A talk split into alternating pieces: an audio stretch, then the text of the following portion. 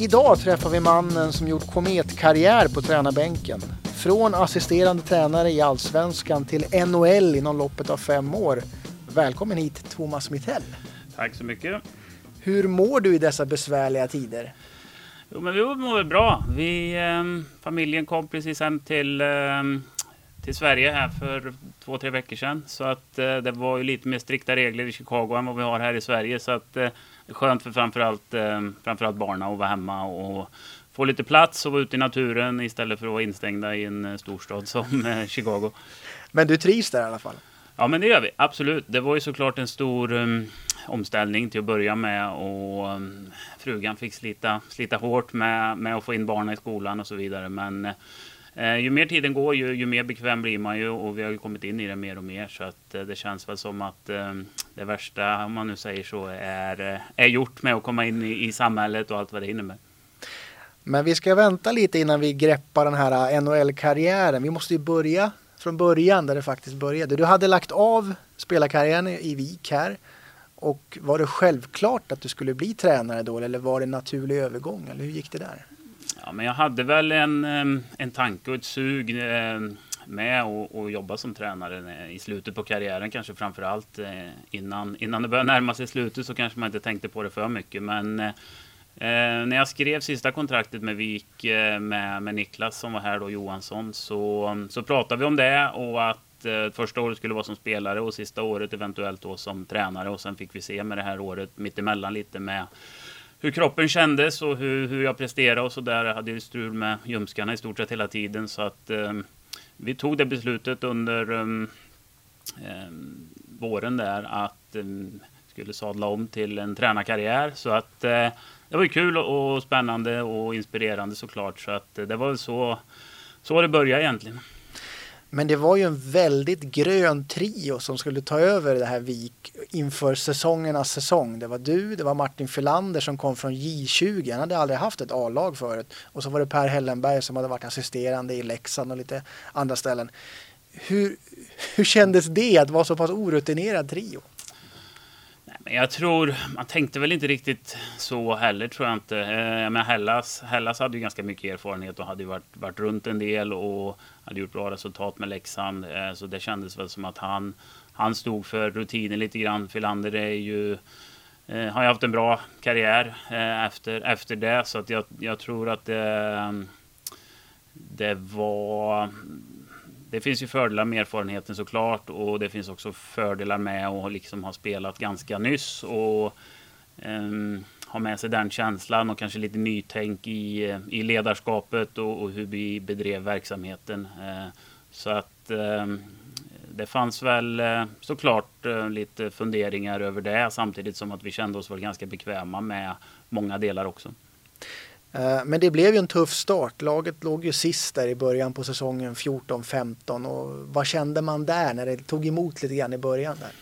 Ja, det var ju, det var ju länge, länge sedan nu, men det är väl som alltid när, eh, när man inte vinner och inte presterar som lag att det är ju eh, frustrerande och, och man försöker vrida och vända på mycket saker för att det ska hitta en, hitta en lösning eller en väg framåt. Så att det, om jag inte missminner mig så hade vi mycket, ganska många nordamerikaner eh, mm. som, eh, som skulle in i ett nytt, nytt spelsystem och vi hade ett bra lag på pappret med mycket starka viljor som, eh, som det tog ett tag att liksom få in i samma folla om man säger så, så att vi, vi drev åt samma håll. Eh, så att det tog väl ett tag och och det kan väl vara så ibland när man har många starka viljor och starka personligheter att, att det liksom tar ett tag att sätta hierarkin i gruppen och, och hur vi ska driva det här framåt. Så att, eh, men, men som alltid när man förlorar och speciellt om man är topptippade så är det ju frustrerande och som sagt man försöker hitta en, hitta en väg framåt på, på olika sätt.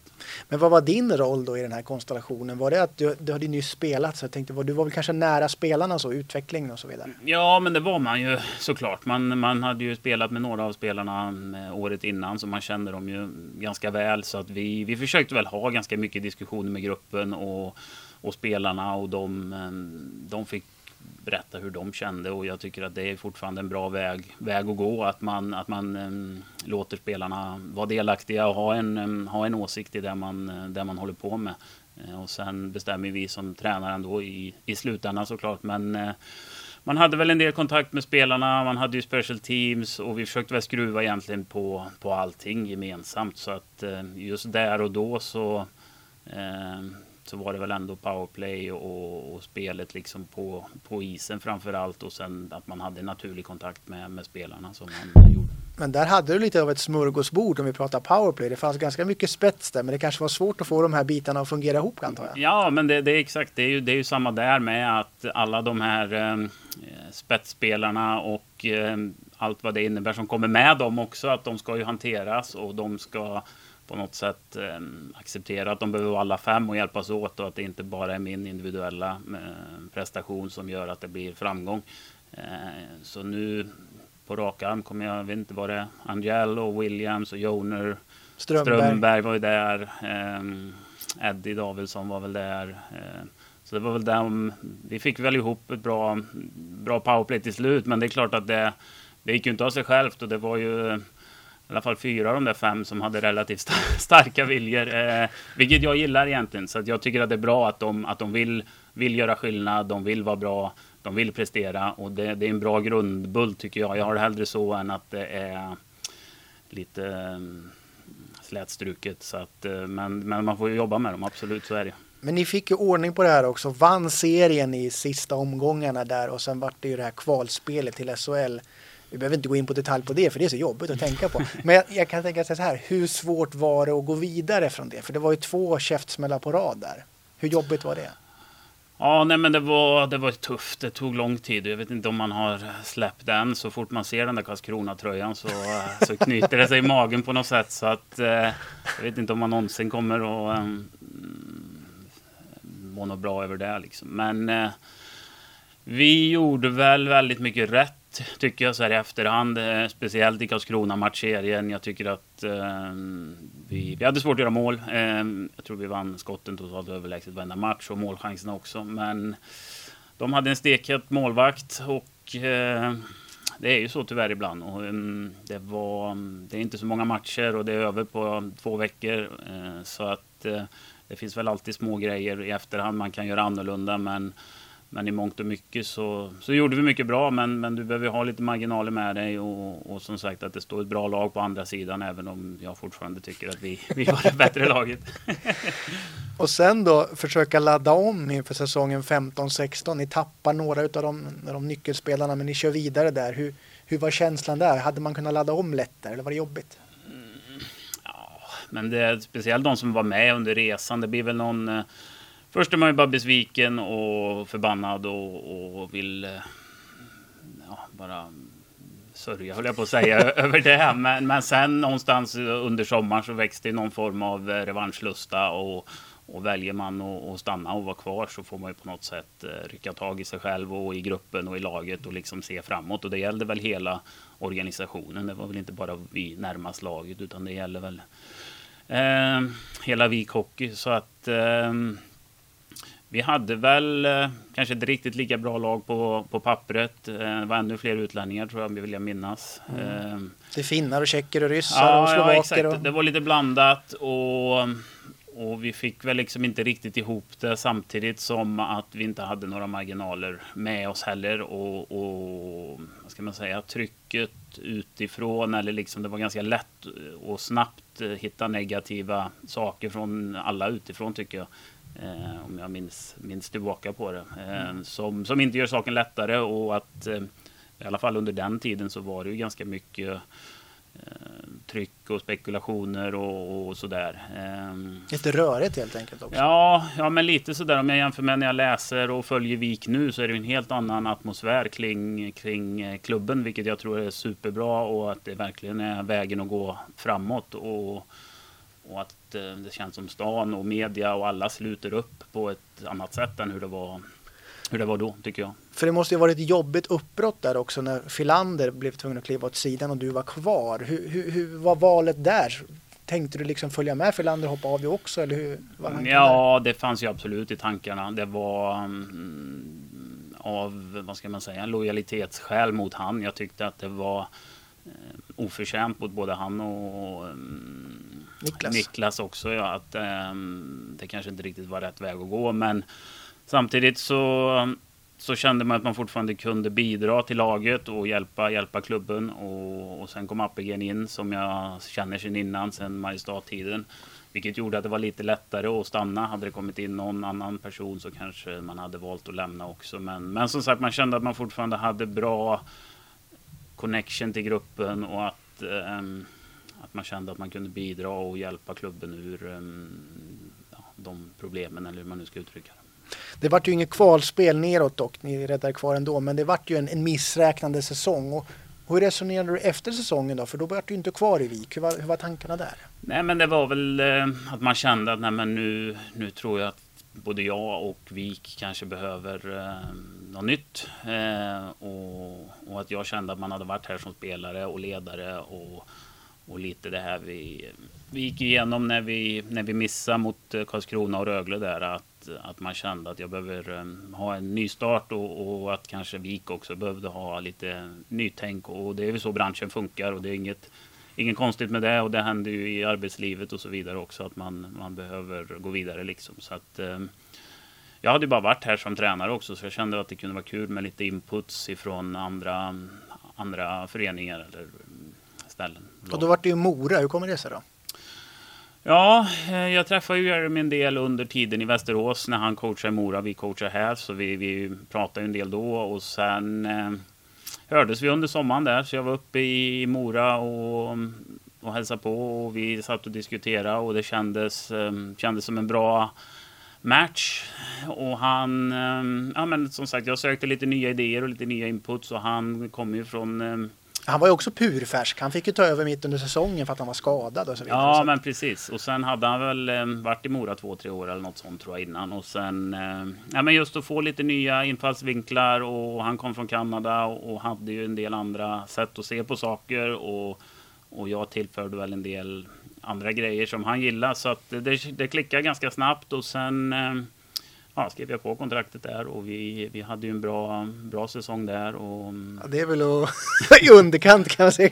Ni går ju upp i SHL på, i första säsongen du tränade. Ja, men exakt. Så att vi, eh, ja, men vi hade ett bra lag. Jeremy hade ju haft vissa av killarna i alla fall eh, två, tre år. Eh, de hade väl startat någon, någon form av resa där. och Ehm, jag kom väl in och tillförde lite, ehm, ja men vissa detaljer och lite struktur i spelet kanske. Och Vik var ju under alla mina år här så var vi ju extremt bra defensivt, släppte in väldigt lite mål.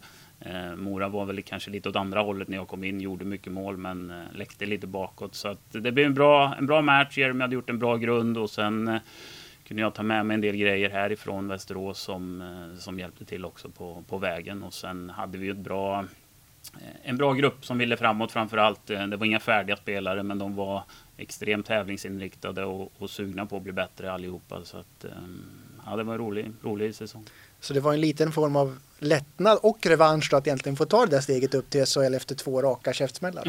ja, nej, ja, men så var det ju och jag menar man ska väl komma ihåg att det var ju extremt bra motstånd det, det första året vi var här med mm, när jag var tränare i, det var ett väldigt bra allsvenskan. Eh, det var många bra lag så att vi, vi tog oss ju så långt man kan komma egentligen eh, utan att riktigt lyckas. Så att, eh, det kommer alltid vara en tagg i hjärtat men det var ändå en, vi gjorde ändå mycket bra, bra saker också. Så att, men det är klart att är man i allsvenskan så är det väl allas mål att ta sig till SHL. Så är det.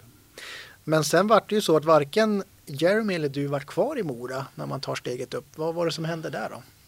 Um, ja, men Jeremy bestämde sig där um, i den vevan vi gick upp att han skulle åka tillbaks till, um, till Kanada eller US, Nordamerika. Och, jag fick ju frågan att ta över efter han och kände väl att eh, vi behövde ta ett beslut som, som familj som var lite större än bara hockeymässigt och att vi skulle behövt flytta allihop till Mora och allt vad det innebär. Så att vi kände väl att att det var inte riktigt läge just där och då. Och mm, det, det var ju tråkigt för, för ja, men både laget och mig och Jeremy att det liksom inte blev en fortsättning och sett vad man hade kunnat göra i, mm, i SHL med Mora. Men, men det är ju så, um, återigen, branschen fungerar. Det, det, det är bara att rätta sig in i, i ledet på något sätt. Så att um, det var det var bästa lösningen just då så att uh, då blev det AIK Stockholm istället. Och med tanke på Moras eh, fortsättning där så kanske det var ett smart val för de hade ju en väldigt tung period i SHL. Det är väl så också, komma upp som nykomling, det är kanske inget jobb som jättelockande heller att ta över ett sånt lag. Nej, som första man, tränare. men man visste ju att det skulle bli en tuff säsong för dem. Så är det för alla nykomlingar oavsett eh, division egentligen. Så att um, det vägde väl kanske in lite grann i beslutet att, att man visste att vi, vi kommer torska mycket matcher. Det kommer vara en jobbig säsong och man får troligtvis um, grä, gräva djupt i djupt i gruvan för att, för att klara sig kvar liksom. Så att, eh, men, men de hängde ju kvar och det var ju, det var ju kul att se att de lyckades göra det. Så att, eh. Men det vart Stockholm och eh, AIK för dig och då antar jag att det var ganska skönt att kunna pendla då, ha kvar basen i Västerås. Ja, här. men exakt. Och sen, eh, men man kände att man var, var sugen på att prova headcoach-jobbet. Man kände sig redo för det. Eh, så kollade väl runt lite på olika alternativ och Gossi hörde av sig från AIK och det är ju en anrik förening och de ville ju satsa och hade sin fyraårsplan med två år kvar på den tror jag. Så att det var ju intressant och, och det är alltid intressant att vara i de stora anrika klubbarna såklart med, med mycket fans och så vidare. Så att det, mm, det, var, det var ett bra val och det var, det var två, två roliga år uppe i, i AIK. Det har varit en tredje plats och serieseger sista säsongen där. Och hur, hur ska man summera den? Var det, var det liksom stegvis bättre och bättre? Eller ja, men det kan man väl säga. Eh, när jag kom in första året i maj där någon gång så, så var ju 70 procent av truppen satt kanske. Så att eh, vi diskuterar vidare, jag och Gossi, och pusslar väl ihop de sista 30 procenten. Och sen är det ju så när man tar över ett lag att det tar ju tid. Eh, så första året eh, gick ju åt ganska mycket till att sätta den standarden och det spelet och de förhållningssätten vi ville ha i, i AIK och i, i laget och som, som jag och Gossi ville ha.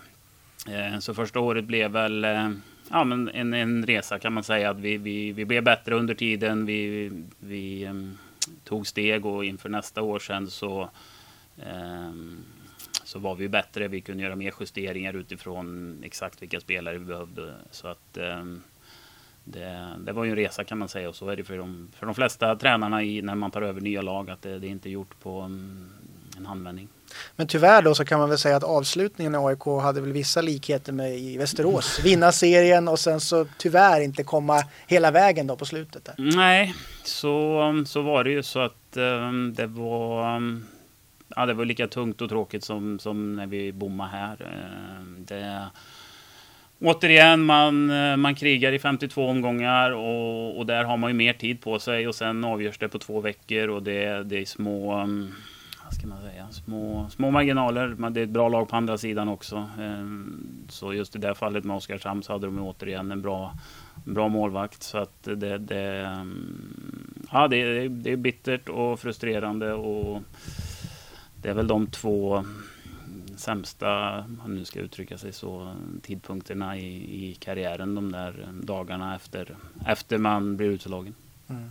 Men nu är det ju en ganska lång karriär kvar troligtvis. Så du kanske har tid att hitta fler ljusa ögonblick. Ja, man hoppas det. Ett av de ljusare ögonblicken måste ju vara det här samtalet du får. Jag antar att det var från Jeremy själv som ringer upp dig och frågar om du vill coacha med honom. Ja, och vi, ehm, vi höll ju, har ju hållit kontakten eh, sedan Mora-tiden och um, bägge de två åren jag var i AIK och han var i, i Rockford så så höll vi kontakten och, och, han sa att det hade varit kul och, om jag kunde komma över och då pratade vi om, eh, om Rockford och farmarlaget. Ehm, så att det, det kom väl inte som en total överraskning utan vi har en bra kontakt, vi har bra, mm, en bra relation och jobbar bra ihop så att eh, han tog över i november någon gång där tror jag va.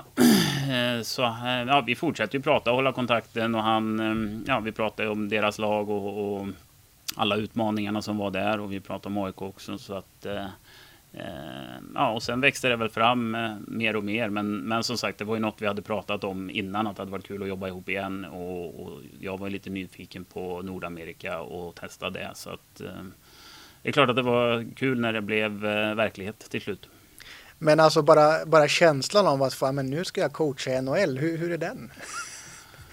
Eh, det är ju lite skillnad. Ja, men om man sätter sig och filosoferar om det så är det klart att det är, det är ett stort steg och, och mycket samtidigt som att väldigt mycket är lika. Alltså det är, är det samma sport visserligen? Ja, jo, och mycket andra grejer runt omkring och så är ju också väldigt likt och sen är det mycket skillnader också. Men, ehm, men det är klart att det, det är kul och häftigt men återigen, det, efter någon månad så blir det ju vardag och varje gång du kommer in i ett nytt lag eller ny organisation så är det ju lite, lite speciellt och du vet inte vad de har för rutiner och hela den här biten. Men, eh, men eh, som sagt, efter någon månad eller två så blir det ganska mycket vardag där också. Men om man jämför här i Vik, du får åka hit i din egna bil, men där kommer det kanske någon limousin och hämta på flygplatsen, eller hur, hur stora skillnader är det liksom?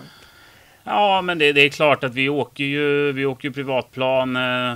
Det är alltid bra mat på flyget. Eh, vi landar, det står buss, eh, åker ut på landningsplattan och hämtar och bara hoppa in i bussen eh, raka vägen till ett femstjärnigt hotell. Det är lite rockstjärneliv.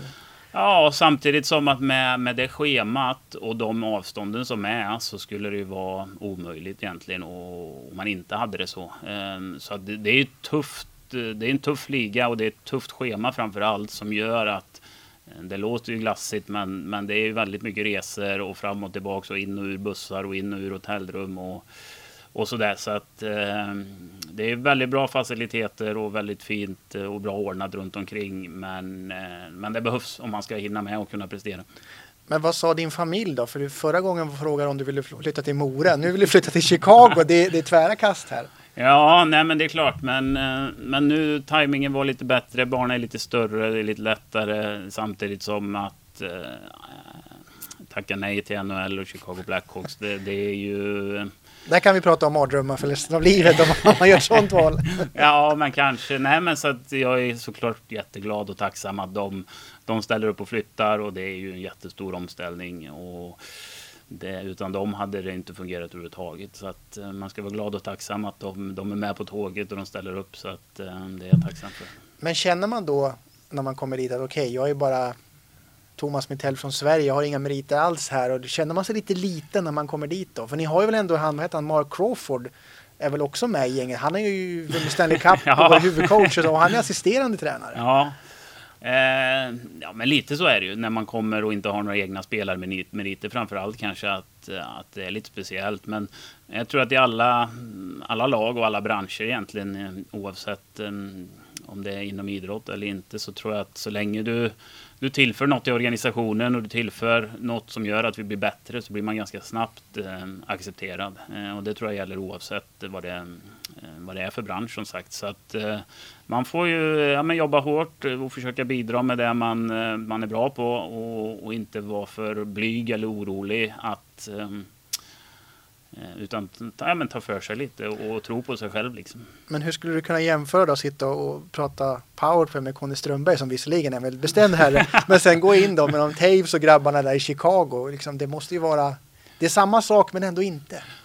Ja, eh, men det är väldigt lika måste jag säga. När man sitter där så är det, handlar det mer om hur personen och människan är än, än egentligen vilka meriter de har. Men som du säger, Eh, Conny Strömberg eller Angel mm, eller Williams eller Joner eller vilka det nu må vara. De, de har ju också bestämda åsikter och på något sätt behöver du ju motivera dem och sälja in ett budskap som gör att de vill köpa in på det, det vi ska göra. Och det är egentligen samma med Kane och Taves eller vilka det nu må vara. Att, eh, så länge vi, vi, eller jag presenterar en bra plan och, och de får vara delaktiga och så funkar det inte så behöver man ändå ändra det efter eh, x antal eh, matcher. Så att det, det, är egentligen ingen, ingen jättestor skillnad och, och funkar idéerna så tycker jag att det är jättebra.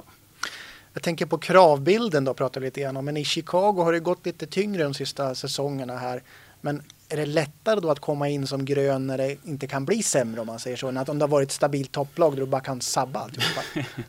Eh, ja, men till viss del så, så är det klart att de är mer öppna för förändringar när de har haft några tunga år än om man har vunnit fem raka Stanley Cup så är det klart att det, det, är svårare att komma in med nya idéer. Så är det ju absolut. Eh, men jag tror att det var tid och att det fortfarande är tid för lite förändringar eh, där borta och jag tror att de är ganska medvetna om det också. Så att jag tror att vi kommer se mer eh, mer europeiska coacher kanske komma över och, och man ser ju spelarna bli mer och mer eh, europeer också. Så att de, ska man säga, de, de är vana att vinna. De är Mm. van, vana att vara bra, de är vana att vinna och det är egentligen så de är uppvuxna. Och mm, de här mm, stora namnen i Chicago, som, de har ju vunnit tre gånger, de har vunnit OS, de har vunnit mycket grejer. Så att de, jag tror att det är mer en, eh, en frustration hos dem ibland att, de, att vi inte vinner. Eh, oavsett om det är jag eller någon annan som är coach så tror jag att det är mer att det är deras driv och deras vilja att vinna. Det är den som, eh, eh, som vi mm, måste hantera på något sätt. Och det är bra att de har den och det är därför de har vunnit. Så att eh, det gäller att hitta någon mellanväg och sen kunna ta oss, ta oss framåt och bli bättre. Men också i NHL så finns det ju 3000 fler personer runt i föreningen och organisationen. Hur pass mycket mer toppstyrt är det? Jag kan tänka mig att du kan inte bara komma in och säga nu ska vi spela gladhockey, nu ska vi spela defensiv hockey, utan det finns väl ett nästan regeringskansli där som bestämmer hur hockeyn ska bedrivas. Ja, nej, det är klart, men det är klart att vi som tränare och speciellt Jeremy som headcoach har ju stort inflytande hur vi ska spela just spelsystem och, och så. Men det är klart att det, är- det är mer hierarkiskt och det är mer lager emellan och Eh, här springer man, ja, men i Västerås så springer man ju på både Z och, ordförande och allt vad det må vara ganska ofta. Medan där är det ju mer hierarkiskt och det är mer lager emellan och eh, man träffar ju ägare och president kanske några gånger per år på stora officiella möten eller middagar eller vad det må vara. Men, eh, men det, är- det är ju stor skillnad och det är mycket folk runt omkring. Och, men vi, vi är ju ändå eh, sju personer som, som liksom sitter som ett klassiskt tränarrum dagligen kan man säga. Så det är ju vi sju som sköter dagliga, dagliga verksamheten och då är ju Jeremy head coach och sen är det jag och två assisterande till. Det är målvaktscoach och två eh, analytics-killar. Eh, men är det bara fördelar med att allting blir större och bättre eller kan man förlora sig själv lite grann i detaljer och det blir för stort och så vidare? Eller vad tycker du? Eh, nej, men det är definitivt eh, både för och nackdelar. Eh, jag tror återigen att eh, organisationens storlek är nästan en förutsättning för att det ska ha mm, vara rullians och att det ska fungera och flytta på bra för framförallt spelarna. Eh, så att man kan prestera över 82 matcher. För schemat återigen är ju extremt tajt och det är mycket media och resor och allt vad det innebär. Så att organisationen behöver ju vara stor. Eh, men eh, alltså, ju mer folk, ju, ju mer kockar, ju desto sämre soppa säger man ju. Men eh, det blir ju mer lager och det är lite svårare att komma nära spelarna ibland. Man kanske kan säga att det är fler ingredienser i det här Ja, fallet. ja det, är, det är så kanske man kan uttrycka det. Men, men det, är, mm, det är ju större. Så det är, det är lite besvärligare ibland att få fram budskap och det är inte lika lätt att ändra saker. Och, Eh, det är en stor apparat om man ska flytta saker en timme eller flytta saker en dag så är det väldigt mycket annat som blir påverkad. Eh, så att eh, det finns absolut fördelar med en liten organisation. Nu fick ju du lite praktik med språkträningen här när det var så mycket exotiska namn i Vik. Men jag tänker på hur har det varit då? Blir det mycket svengelska eller vad, hur jobbigt är det? Eh, nej, men det är klart att när man åker över i augusti så, så är ju inte engelskan lika up to date som, som den är när man åker därifrån. Så är det ju. Men, men det går ganska bra och det är mycket hockeytermer och eh, återigen spelarna är inte så um, vad ska man säga, kräsna med exakt terminologin, att den, att den ska vara rätt och att man ska böja saker precis perfekt. Utan det är mer att själva huvudbudskapet är bra eh, och att de, eh, de köper in på det. Det är ju det som är huvudsaken. Och sen eh, Sen har du ju några svenska spelare, de kanske får förklara då, om inte du kan. nej, då, nej, men så, så är det ju inte. Och de spelarna pratar vi ju engelska med också. Så att, eh, nej, men det funkar bra och, och det är klart att eh, de enda gångerna det kan vara, det är väl på träningar och så där ibland när de är uppe i puls, spelarna, och de pratar med lite slang och det är lite dialekt, att det kan vara svårt att mm, hitta nyanserna i vad de menar. Eh, Så det är väl där man kan känna det, men annars när det är möten och sådana grejer så är det ju inga problem. Hur ser framtiden ut där för dig närmast? Nu vet ni ju inte om det blir någon säsong överhuvudtaget. Vi är ju i det läget just nu, men fram efter det då? Ja, nej, men precis som du säger, vi, det är ju speciella tider nu så att eh, vi är väl egentligen redo, och framförallt jag är väl redo att åka tillbaks eh, om de väljer att spela färdigt säsongen, vilket både, både spelare, och organisationer och ägare vill ju spela färdigt. Så att eh, sen om det blir eh, juni eller juli, det är ju augusti, det är ju väldigt spekulativt. Ehm, men sen har vi ett år kvar på kontraktet så att eh, under normala omständigheter så hade vi åkt åkt tillbaka i ehm, ja, mitten på augusti och sen är det eh, tränarna drar igång två, tre veckor innan och så kommer spelarna i början på september. Men om man spekulerar då, är det värt att hålla på och, och, fixa med den här säsongen som har varit nu? Eller är det bättre att bara stryka ett streck över den och fokusera på nästa? Är det inte väldigt mycket mix och tricks som kommer påverka framtiden ändå? Jo, det är ju extremt mycket mix och tricks om man uttrycker det så. Eh, men eh, det ligger ju ovanför mitt huvud och det är ju extremt mycket business och det är mycket pengar det handlar om och jag tror eh, de tappar ju mycket pengar om, om de ställer in organisationen och det kommer ju drabba Ja, För jag tänker att nu börjar man ju nästan närma sig nästa säsong så att nu kommer väl de, den rulliansen egentligen komma igång ändå. Ja, exakt. Men som sagt, det är väldigt mycket saker som spelar in med Vissa lag gjorde trader för att kunna vinna i år och de har gett upp draft picks. Och, mm, ja, vad är senaste nytt där? Ska draften genomföras? Har ni fått höra ja, någonting om det? Nej, vi får ju, vi får ju mail och information från Blackhawks och NHL. Men det är väl egentligen samma som, som står i, i vanliga media. Eh, så att det, de vet ju egentligen inte utan de, eh, de följer utvecklingen dag till dag och vecka till vecka. De lyssnar på mm, eh, Folkhälsomyndigheten och motsvarande i, i USA. Eh, och sen, eh, sen är det ännu mer komplicerat eftersom det är 52 delstater, det är olika regler, de är olika drabbade och sen ska man blanda in Kanada i det där. Och ska det, ja. Så att det, eh, jag, jag, jag överlåter det till de som är mer belästa än vad jag är tror jag. Men om du fick önska då, vill du vara kvar i, i Nordamerika och NHL-hockeyn inom de närmaste åren eller hur ser du på framtiden? Ja, men det är väl klart att nu när man, nu när man är är där och har fått chansen liksom och mm, tycker själv att man har gjort ett eh, bra jobb så då, då är det klart att man gärna, gärna är kvar och det är ju klart eh, bästa nivån och, och, högsta ligan att vara i så att det är väl klart att man, man gärna är, är kvar där samtidigt som att det det, mm, det är tuff, eh, tuff konkurrens och tuff miljö och mycket som ska falla på plats. Liksom. Det är mycket timing i den här branschen också. Så att, men, men vi trivs bra och, och räknar med att åka tillbaka nästa år i alla fall. Så att om, om några andra coacher får sparken, då kanske du står där som huvudcoach för ett NHL-lag. Ja, jag vet inte. Vi får, vi får, väl se, vi får väl se hur det blir med det. Men, eh, men som sagt, jag tror att det kommer bli mer um, europeiska coacher över där. Och, och jag tror att vi har saker att bidra med som de inte har. Och likadant tvärtom, att de, de gör saker bra där borta också. Så jag tror att en mix är ganska bra och det är väl där man håller på och försöker samla på sig lite erfarenhet om. Så vad har du för tips till Thomas Pannanen om han också vill stå i ett NHL-bås om fem år? Ja, han har väl gjort, de har gjort en bra resa här. Ehm, jag ska träffa han här nu efter den här podden så att eh, vi får väl se. Men han, nej, men han, är, han är bra, jag gillar Thomas och han eh, har mycket bra idéer och är bra med spelarna och har ju, har ju börjat bygga något bra här i Västerås och hela stämningen runt föreningen är kul att följa på, på håll att, att det verkligen är, är positivt och att det känns genuint från alla inblandade så att det, det är ett bra, bra steg.